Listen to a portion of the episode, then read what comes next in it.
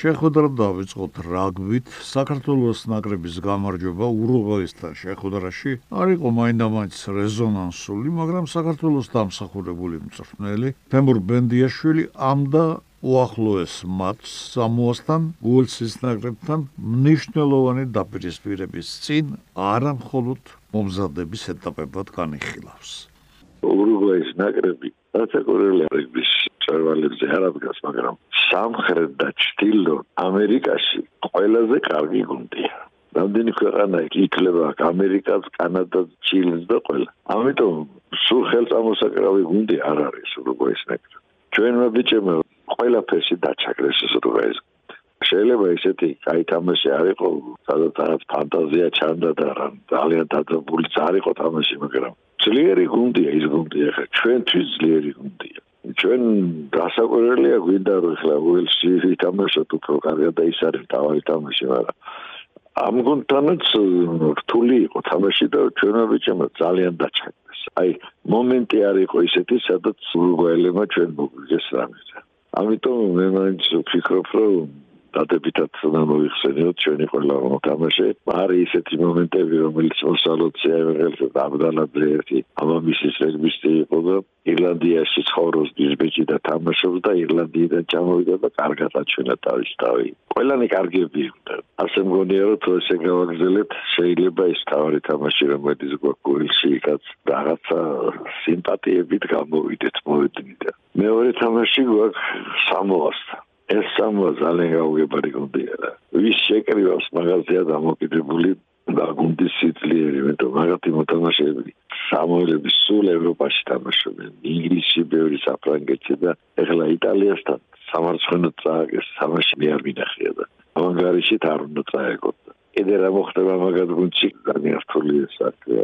თავარია რომ ჩვენ ეს ორი თამაში ვინა, იმიტომ რომ შემდეგი თამაში, რომელიც არის უელსი თამაშისთვის მოემზადოთ. პირველმა თამაშმა თავის საქმე გააკეთა, შეიკრა ჩვენი გუნდი ნორმალურად ითამაშეს. ეხლა მეორე თამაშსაც ნახოთ როგორ იქნება. მერცახლას რომ მოუმატოთ ყველა თამაში, ისე რომ ჩვენ ვამაყობთ ჯერჯერობით ჩვენი ნაკრების და ვამბობთ რომ სორგზაზე დგანა. შევახსენებთ, რომ საქართველოსა და სამოას ნაკრები გუნდების მატჩი ბორის ბაიჯაძის სტადიონზე შაბათს 18 საათზე დაიწყება.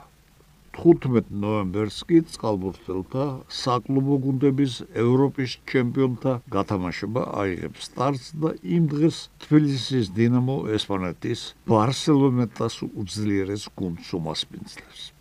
მომავალი ტურნირის შესახებ გვესაუბრება საქართველოს საწოლოსნო სახეობათა ფედერაციის ვიცე-პრეზიდენტი ალექსანდრე ბითაძე. ვიესალმები რადიო მსმენელს, უკვე მეოთხე წელია თბილისის წყალბურთელთა გუნდი დინამო მონაწილეობას იღებს ჩემპიონთა ლიგის ჯგუფურ გათამაშებაში, რაც ნამდვილად არის ძალიან დიდი მიღწევა და ძალიან დიდი წარმატება წესვლა ქართული წყალბურთის. წელს გუნდში განხორციელდა ცვლილებები, რამოდენიმე მოთამაშემ დატოვა გუნდი, მაგრამ აგრეთვე შეემატა უცხოელი რამოდენიმე მაღალი დონის მოთამაშე გუნდს და გუნდი ყოველდღე გადის სერიოზულ მოსამზადებელ ხმებს პრაქტიკულად გუნდი მზად არის პირველ მას თბილისში დინამო გამართავს 15 ნოემბერს თბილისში შეხვდება ერთ-ერთ წყალბურთის გრანდს ბარსელონის ბარსელონეტას. საკმაოდ საკმაოდ ძლიერი ჯგუფი შეხვდა.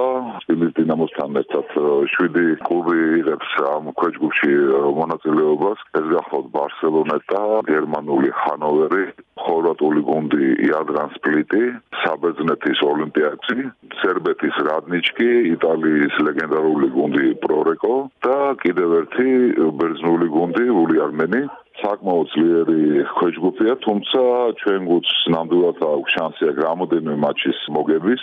შეგვიძლია თანაბორდონეზე ვეთამაშოთ და მოუგოთ კიდეც ჰანოვერს, იადრან სპლიტს, ადნიშკისთანაც შეიძლება თამაში და გულიარმენისთან. ანუ 4 გუნდთან შეგვიძლია თამაში, გახმა უნდა გვაქვს შანსები. მოვიპოვოთ საუკეთესო რვა გუნდში მოსახვედრი ადგილი. ყოველ შემთხვევაში ძალიან სერიოზული მატჩები გველის. ნამდვილად გვაქვს შანსი. ვაჩვენოთ გაცილებით უფრო უკეთესი რეზულტატი იმასთან შედარებით, რაც ვაჩვენეთ წინა წლებში. ყოველ შემთხვევაში გუნდი ამისთვის ემზადება და თავს არ დაზოგავენ ბიჭები და ჯერარო გაგვახარებენ ნამდვილად. მინდა ისე შევახსენოთ, რომ ალექსანდრე ბითაძე წყალბურთის ევროპის კომიტეტის წევრი და ასაკობრივი კომიტეტის თავმჯდომარეცა.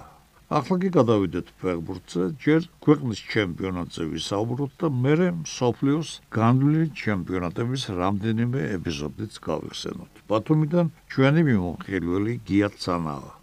მივესალმები ჩვენს რადიო მსმენელებს. დღევანდელი საუბარი მინდა დავიწყო ეროვნული ჩემპიონატის მატჩით.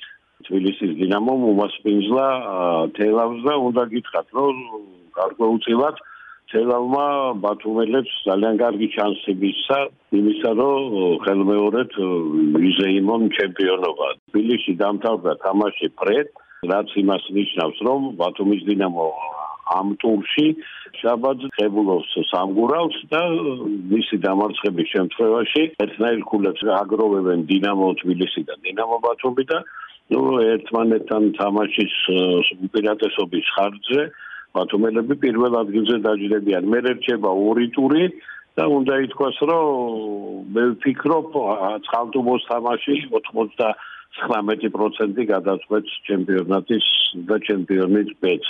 ორი სიტყვა მინდა გითხრათ ჩვენს ლეგიონერებზე და ძალიან კარგი თამაში ჰქონდა გიორგი მამარდაშვილს ვალენსიას შემადგენლობაში და იგი ესპანეთის ტოპ მეკარეების სამეულში მოიხსენიება და ეს ძალიან מחარებს და რა თქმა უნდა ყველას გვახარებს. ორ სიტყვას ვიტყვი ხვიჩაზე. ნეაპოლელი კი პოზები უფრო ელოდებიან ხვიჩას გამოჩენას მინდორზე, რადგან ხას უსვავენ, რომ მართალია ნაპოლი იგებს, კარგად მიდის, მაგრამ ხვიჩას garaშე რაღაც როიტყვიან, ითქოს მარილი აკლია იმ თამაშს, რომელსაც ისინი ადევნებენ თვალყურს. კაკამ თქვა რომ საწოდაობაა რომ ესეთი ფეხბურთელია ჰოლანდზე თქვა ნორვეგიელზე და ხვიჩაზე სოფლიო ჩემპიონატზე რო ვერ თამაშობენ მართლაც ასეა სოფლიო ჩემპიონატი ვახსენეთ და და ხოლო ჩემას მოგახსენებთ რომ ჩემპიონატი ცუდი არ უნდა იყოს და რა მაქვს ხელდობაში და რატო ვამბობ ამას? გახსოვთ ყველას რომ ჩემპიონატი იწყებოდა შუა ზაფხულში. როცა გუნდები თავის ჩემპიონატებს ამთავრებდნენ და საოცრად აღლილები, ძალაგამოსლილები კიდიოდნენ საომრად და თავისი ქვეყნის წარმოსაჩენად. ახლა ყველა გუნდი ფაქტიურად ვინც კი სოფლიო ჩემპიონატში ყველასთან ჯერ ნახევარი წარა ჩემპიონატის გავლილი და ფიქრობ საუკეთესო ფორმაში ხვდებიან ფეხბურთელები და სანახაობრივად ჩემი სპორტსაზრისით ეს იქნება ძალიან კარგი. ფეხბურთი ფლიანობაში ამით მოიგებს. აი ახლა როცა საუკეთესო ფორმაშია სპორტსმენი და ვინდოზე გასვლა სული და გული წადია თამაშებიც უფრო საინტერესო დაძაბული და სანახაობრივადაც ძალიან კარგი იქნება. ისურვებ ყველას ლამაზი ფეხბურთი გვენახოს და ისურვებ ქართული ფეხბურთის წინსვლა და გამარჯვება და დამღარიყო ძალიან მალე იზრო როცა ჩვენი ნაკრებიც აემგზავრება იქეთკენ სადაც სოფლიოს და ევროპის დროშები იფრიალები. დიდი მადლობა გაკეთებთ მოგწონს თუ არ მოგწონს ყატარი რომ მასპინძლობს სოფლიოს მომავალ ჩემპიონატს ფაქტია ფეხბურთის მოყვარულებმა უნდა უყურონ ტელერეპორტაჟებს არა საფეხბურთო ქვეყნიდან. თანაც უჩვეულო პერიოდში. მე კი ასე ვფიქრობ რომ ჩემპიონატის დღეებშიც ყატარის მასპინძლობის პრობლემები არაერთხელ გაგვახსენებს ამ ქვეყნის არჩევის აბსურდულობას.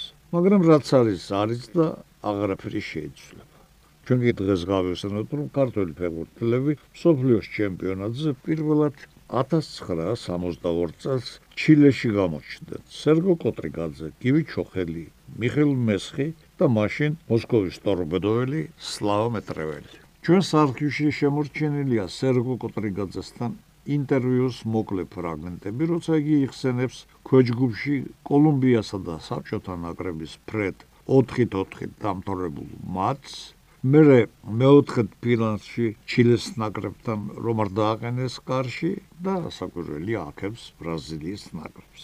რა თქმა უნდა, არ გამოგვირებია ჩემი ვიწევა. მე უკვე ახალგაზრდული ნაკრების წევრი ვიყავი და შეიძლება მიხდებოდა საბჭოთა კავშირის ამ ნაკრებებში თამაში და ამიტომაც გადაწყვეტეს რომ მე დასულიყავი სოფლიო პირველობაზე ძიმე თამაში იყო მეთქი კოლუმბიასთან შეიძლება ითქვას რომ არა. 4-1 ვიგებდით თამაშს მაგრამ შემდეგ იაშინმა საბედისწერო შეცდომა დაუშვა და ამ დროს დაენიშნა კუთხური ჩვენს კარებთან. და კუთხური როდესაც ჩამოვაწოდეს იაშინსა და ჩოხელშორის მოხდა გაუგებრობა. იაშინმა დაუძახა იგრაი და ვიმ გაიგო იგრაიუ. აი ამ შეუთანხმლობის შემდეგ ჩვენს კარში აღმოჩნდა გოლი მართალი გითხრათ, მე ველოდი ამ თამაშს უნდა მეთამაშა, იმიტომ რომ თამაშის წინ გაჩელილმა გამიყვანა გვერდზე და მითხრა რომ მოემზადე თამაშისათვის ამ თამაშს შენი თამაშებო.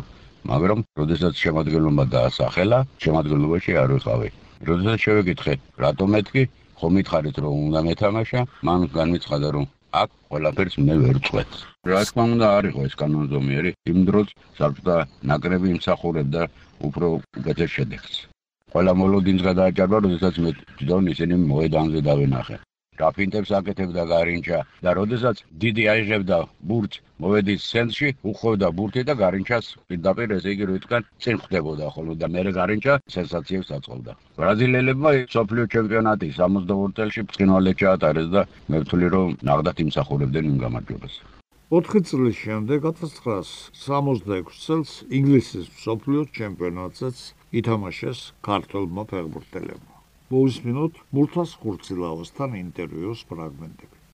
ბევრი თამაში არ უკითამაშია. ჯორაც იტინოს მაგალითად პირველი თამაშის მერე ტრამვა ჰქონდა და მერე პორტუგალიის წინამდე გითამაშა ძალიან კარგად. ასე იყო სლავამეტრეველი, რომელმაც პორტუგალიასთან ითამაშა და წინვალეთ ჩაატარა ეს თამაში. აი ასევე იყო ანზორ კავაზაშვილი, ჩილესთან ითამაშა და ეს თამაში ძალიან კარგად ჩაატარა. ასევე მე სამი თამაში ვითამაშე, განარჩენი ტრამვა მქონდა.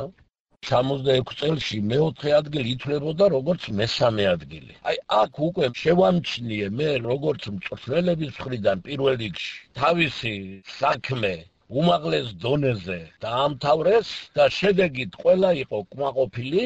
აი ამიტომ ცოტა არასერიოზულობასავით ვიგზენი. უკეთესი შემადგენლობის გამოყვანა შეიძლება პორტუგალიის წინააღმდეგ წინადღეთ მწვრთნელი მელაპარაკა მესაუბრა. მე ისევია წინამდე გუნდა მეთამაშა. მე დილი თამაშის დღეს მოთელა რო გავაკეთეთ ცალკე დამიძახა თავის ოთახში და მითხრა რომ არა მეო გადავიფიქრეო და შენო ტორესის წინამდე მოგიწევს თამაშიო. აქო ვერ ხედავო რომ ვინმეო შენზე უკეთესათო თავი თამაშობდესო იმ ჩემპიონატში იყო საუკეთესო ბენქსი, ხო? ავიღოთ მური, ცენტრალური დამცველი, ხო?